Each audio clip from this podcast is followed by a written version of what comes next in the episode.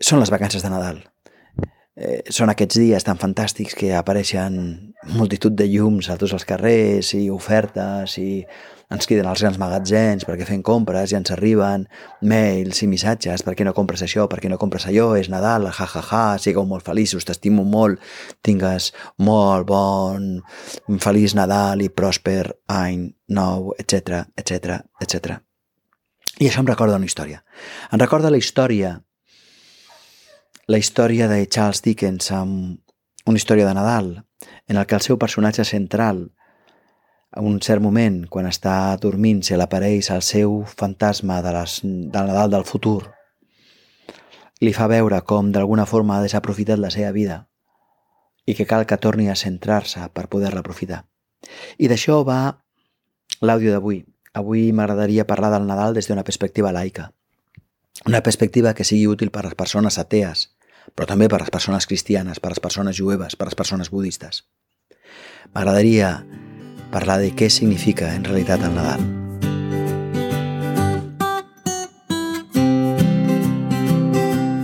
Benvingut, benvinguda al Quadern del Xerpa, un podcast en català sobre autoconeixement, creixement personal i espiritualitat pràctica que busca certa útil.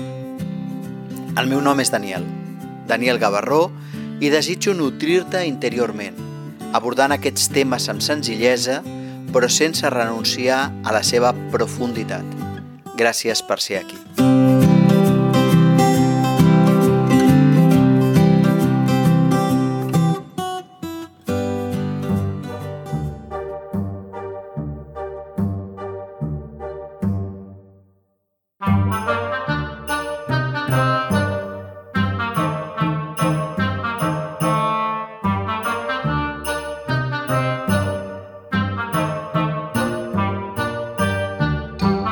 En aquest podcast en català de creixement personal que avui parla sobre el significat, què significa en realitat el Nadal, m'agradaria que entenguéssiu que en realitat el que vull fer és un, és un espai perquè vosaltres pugueu connectar amb la vostra pròpia essència, amb la vostra connexió espiritual, entès espiritual des d'un punt de vista absolutament laic.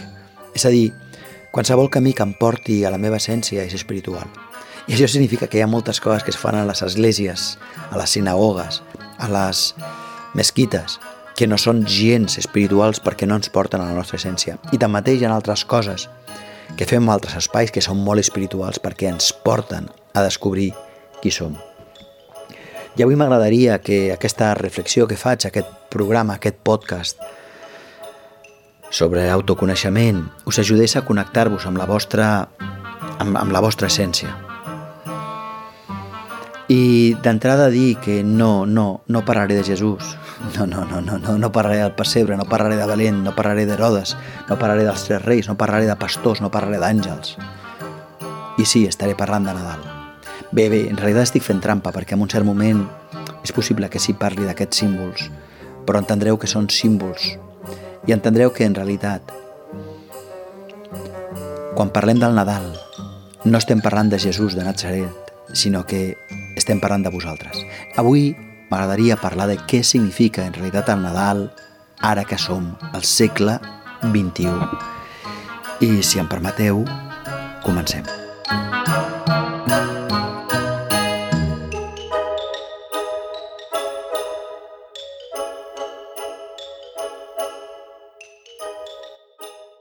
he dit que el Nadal no, no, no parla de Jesús. I, I és veritat, eh? el Nadal no parla de Jesús. Mm, el, el Nadal parla del nostre naixement. El Nadal parla del teu naixement. El Nadal parla de tu. No és, no és que Jesús neixi, és que cal que tu neixis. Permeta'm que ho expliqui una mica més. En realitat, tots els llibres místics, tots els llibres i totes les filosofies que parlen sobre l'autoconeixement, inclosos les religions, són en realitat mapes. Són mapes per ser caminats, no per ser creguts. El catecisme no té cap mena d'importància si jo no el puc viure. La teologia està morta si jo no la puc viure. És a dir, la teologia ha d'estar al servei de la mística, és a dir, al servei de l'experiència. No, No, no, no, no, no, no, no. No, no és Jesús que neix. Quan parlem de Nadal, no ens estem parlant de que Jesús neix. Estem parlant de com nosaltres podem fer servir aquesta època per créixer interiorment. Aquesta és la pregunta central. I la pregunta central ens diu que com nosaltres podem créixer interiorment ens està preguntant en realitat com nosaltres podem néixer. Perquè no és Jesús el que neix, no és Jesús el que neix, sóc jo el que neix. Ets tu qui has de néixer. Ja sé que sembla un absurd, però moltes vegades me n'adono que hi ha moltes persones que no han nascut encara. Persones que sí, és veritat, és veritat. Mm, físicament sí que van néixer, però des de que van néixer encara no han descobert qui són. Es limiten a viure d'una forma mecànica, a patir. Tenen una vida plena de patiment, d'avorriment. Me'n recordo una vegada que vaig veure una pintada al metro de Maragall, a Barcelona, una pintada que em va impactar i que deia neix, consumeix i mor. Uau! Neix, consumeix i mor. Uau! De què estem parlant? Estem parlant en realitat de que moltes persones adultes no han nascut, que moltes persones adultes viuen encara en la mecanicitat.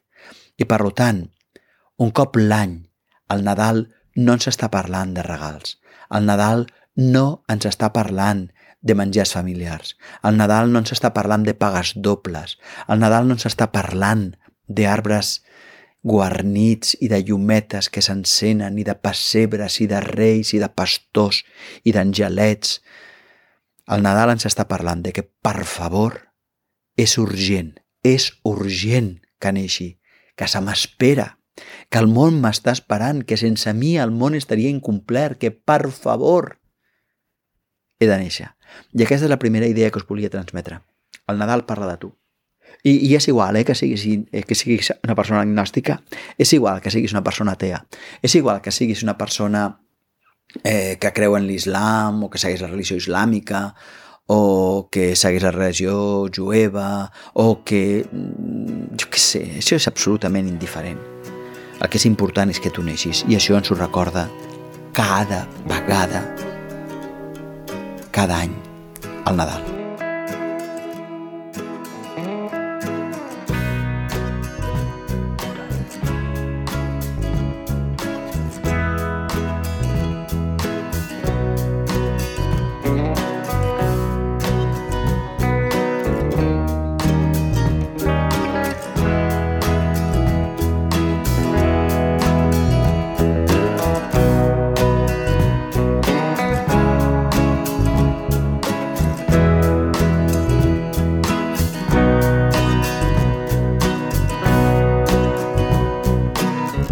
Si vols contactar amb mi, fes-ho a través de la meva pàgina web, danielgavarró.cat, a la secció de contacte.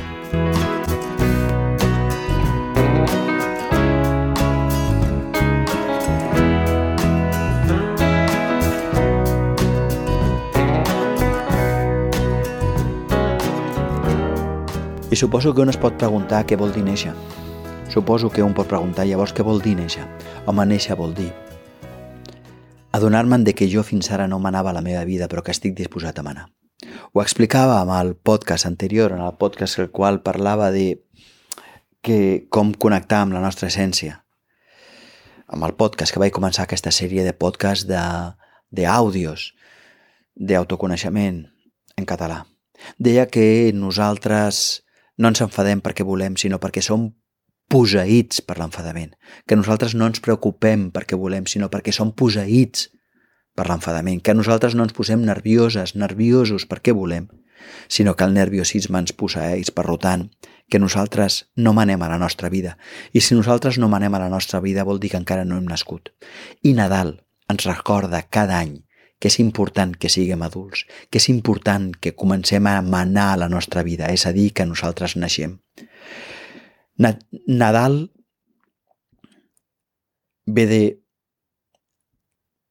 ve de nativitat i nativitat ve de néixer. estem celebrant la, la, no, no estem celebrant la nativitat de Jesús, no estem celebrant el naixement de Jesús, estem celebrant la nostra nativitat. Se'ns diu que hem, de, que hem de néixer, se'ns diu que nosaltres hauríem de... que nosaltres hauríem d'agafar el timó de la nostra vida. Se'ns diu que nosaltres haurien de ser responsables del que nosaltres pensem perquè només jo puc pensar per mi. I si només jo puc pensar per mi, només jo puc sentir per mi. I si només jo puc pensar i només jo puc sentir per mi, he de responsabilitzar-me del que penso i del que sento, de la mateixa manera que he de responsabilitzar-me del que faig. I Nadal em convida a fer-ho.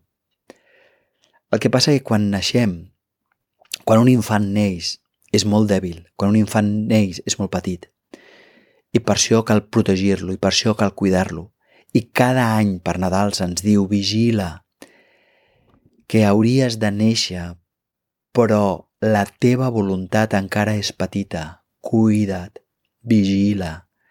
Fes coses perquè aquesta flameta que ets i que vol seguir creixent no s'apagui com el ble d'una espelma.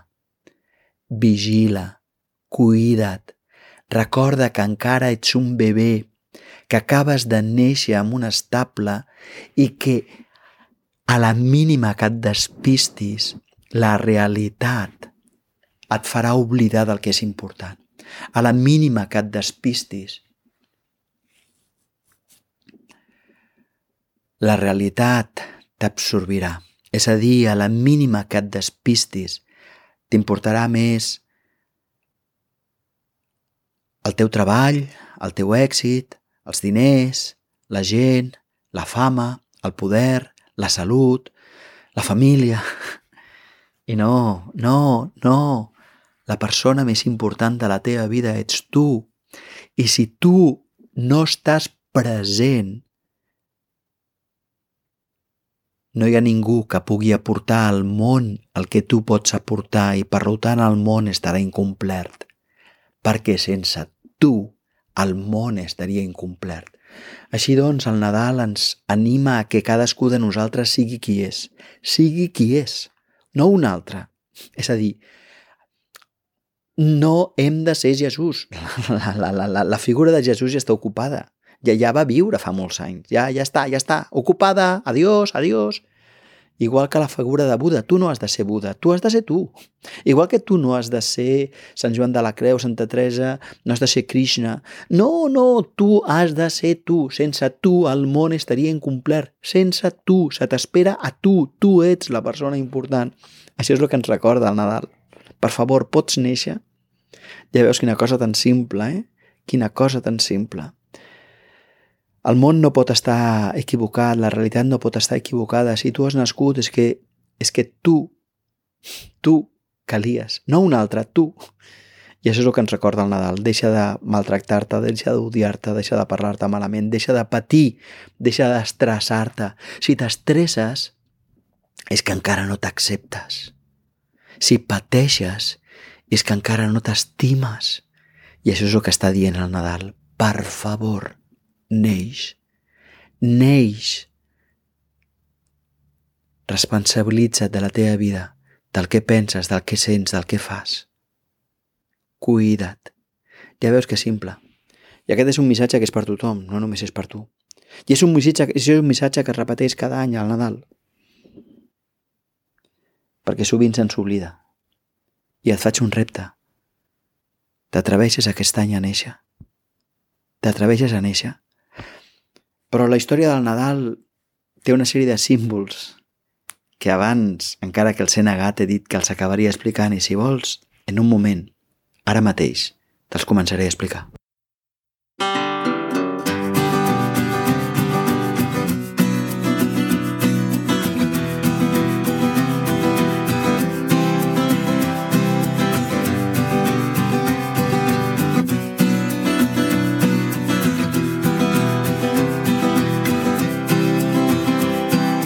perdis cap episodi.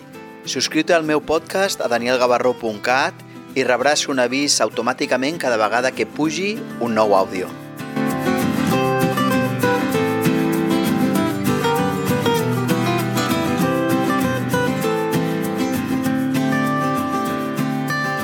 Sí, perquè aquests símbols poden ser molt útils per entendre els riscos que tens o els perills amb el que ens enfrontem.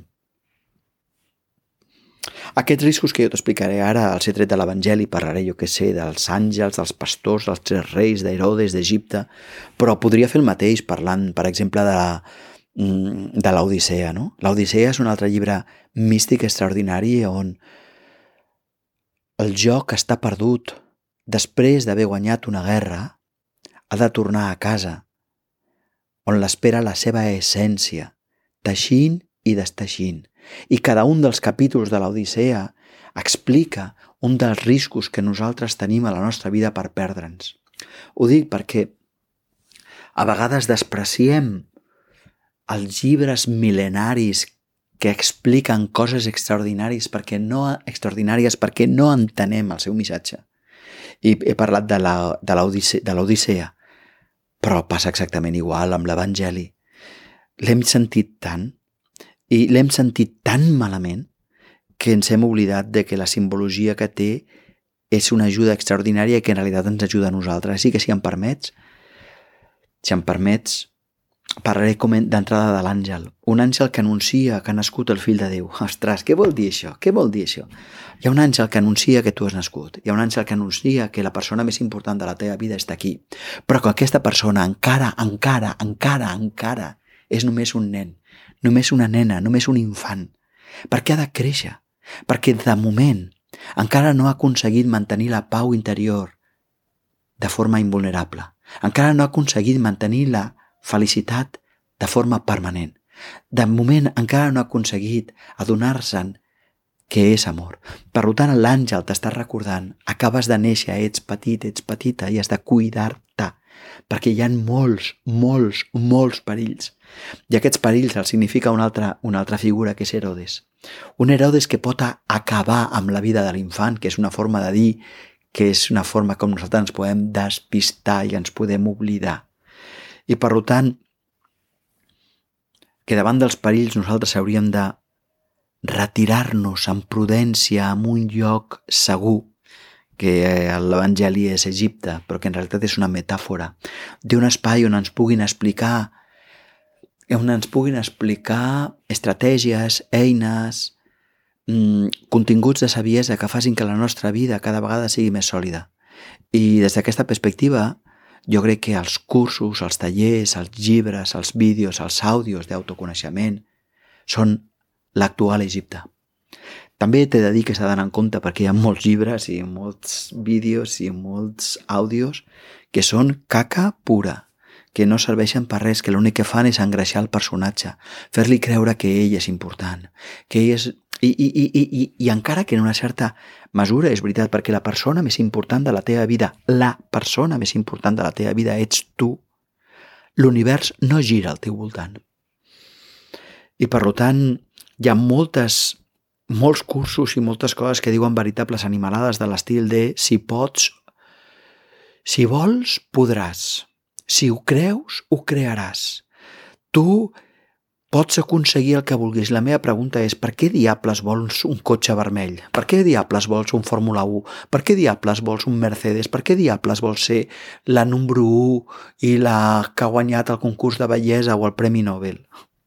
La meva pregunta és si tu pots ser feliç sent qui ets, amb o sense Nobel, amb cotxe o sense, amb un cos que sigui el de Miss, jo que sé, Miss València, o un cos que sigui normalet, com els que trobo, com el meu, com els que trobo al metro, vamos. Que aviam, perquè aquest és un perill, un perill, l'engreixament de l'ego, en lloc d'adonar-nos en lloc d'adonar-nos que lo important no són les coses que passen, sinó el jo, el a, el viure, present, despert, aquí i ara. I aquest és Herodes, aquest és el perill d'Herodes, perquè nosaltres podem prendre la decisió de sí, ara naixeré, sí, ara vull connectar amb la meva essència, que és el que diu l'àngel, no? Neix com a nen petit, neix, però el perill és que aquesta espelma que s'acaba d'encendre s'apagui i no, es torni, i no ens tornem a recordar fins que arribi l'any que ve i torni a ser Nadal.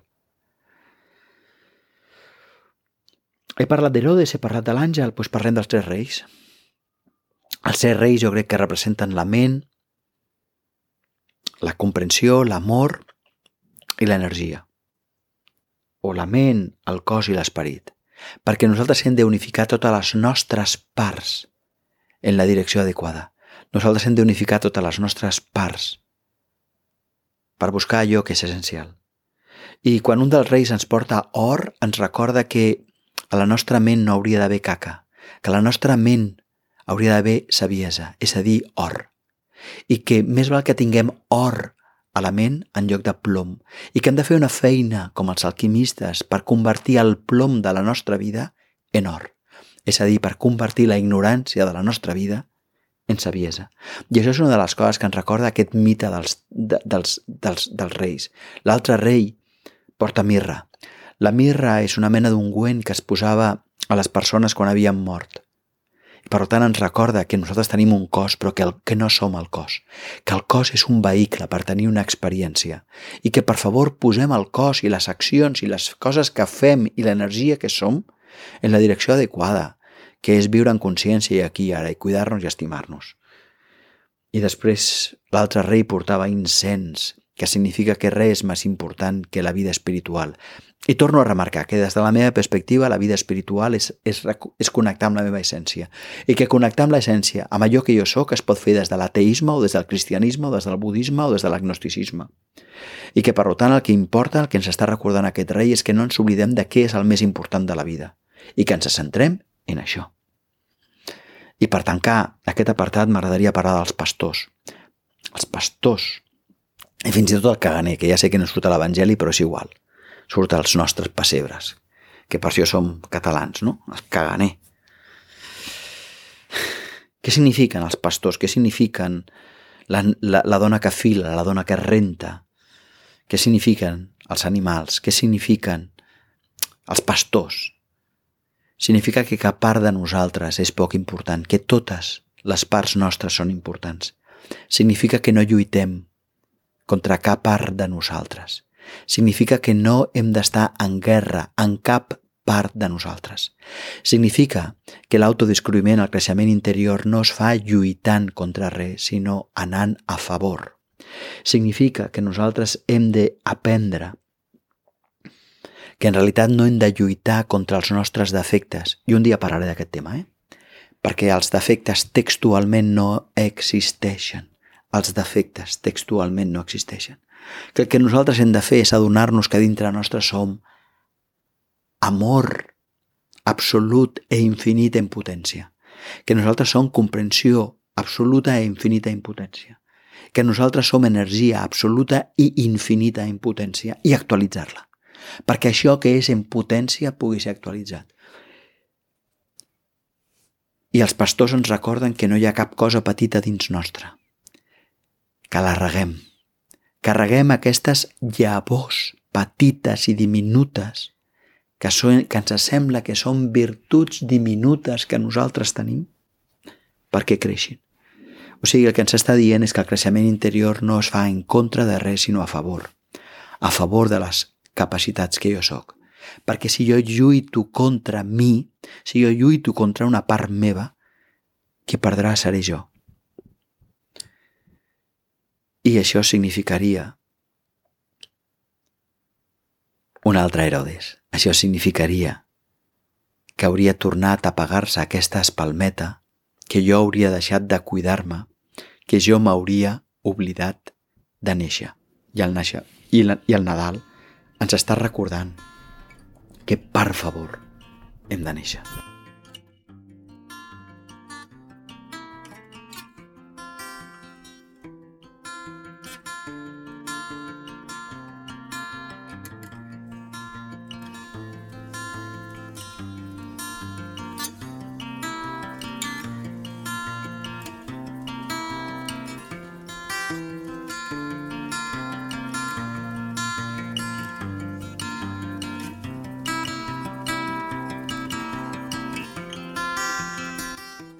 Recorda que allò veritablement útil en el treball interior és fer una feina ordenada, graduada i tutoritzada.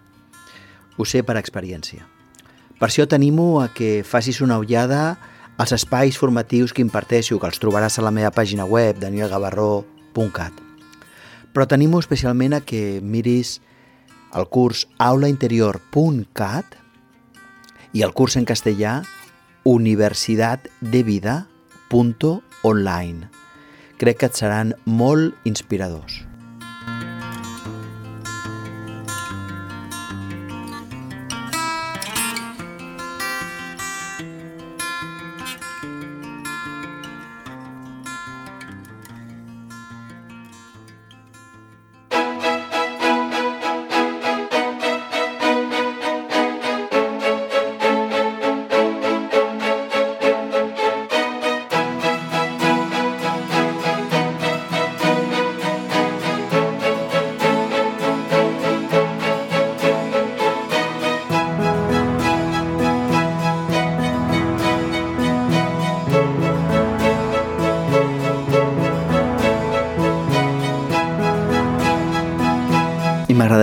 Explicar-te, i amb això ja estic tancant l'àudio d'avui, d'aquesta setmana, que al meu blog tinc un parell d'articles sobre Nadal per si prefereixes llegir-los o enviar-los a algú o penjar-los a, jo què sé, a internet, on sigui, a les xarxes socials.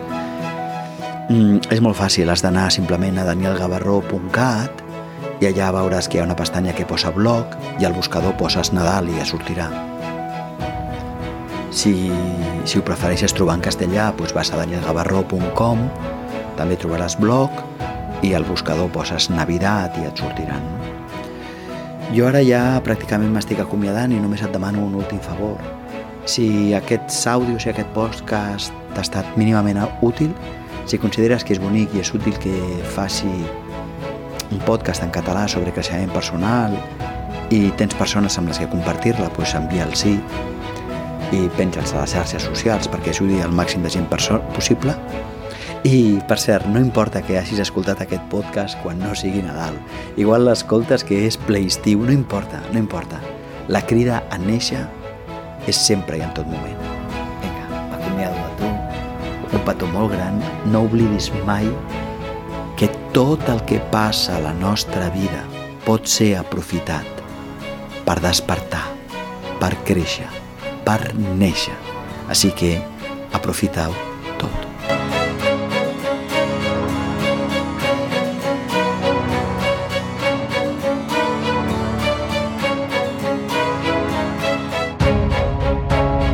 Tant de bo aquest capítol t'hagi estat útil. T'envio una forta abraçada i et desitjo el millor. I recorda, aprofita tot el que passi per descobrir-te.